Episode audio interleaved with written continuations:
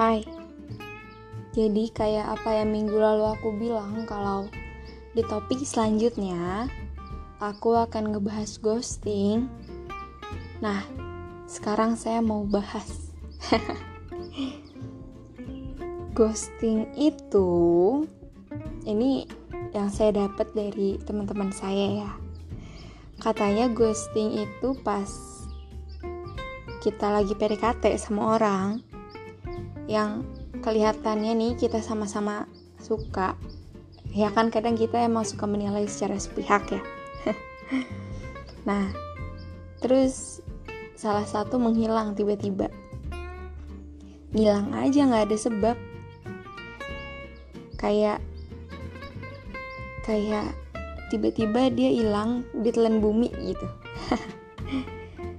Terus udah pas dia muncul lagi seolah nggak ada apa-apa di antara kita. Kayak kita jadi kayak orang asing lagi. Hayo, aku siapa yang pernah di ghosting?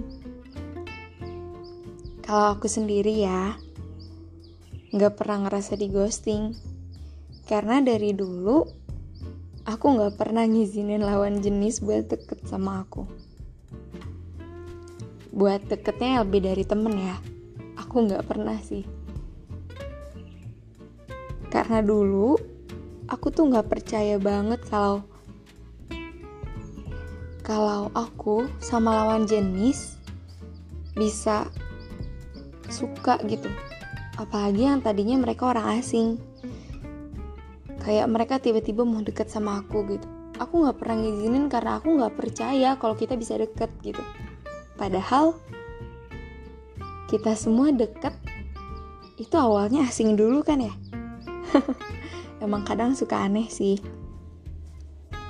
Tapi ya sekarang aku udah percaya loh. Ya semoga aja nggak jadi korban ghosting. Dan sebenarnya nih ya kalau kita lagi deket sama seseorang kita tuh perlu mikirin kemungkinan terburuknya gak sih kayak ya walaupun saya juga tahu kalau kita lagi deket sama orang kita nggak bakal kepikiran kemungkinan terburuk itu. Karena ya namanya lagi jatuh cinta kan ya? Mana sempat kepikiran kayak gitu? Tapi ini menurut saya ya kayaknya kita perlu belajar kayak gitu pelan-pelan. Ya supaya kalau ntar tapi semoga aja enggak ya. Tiba-tiba di ghosting ya kita nggak kaget.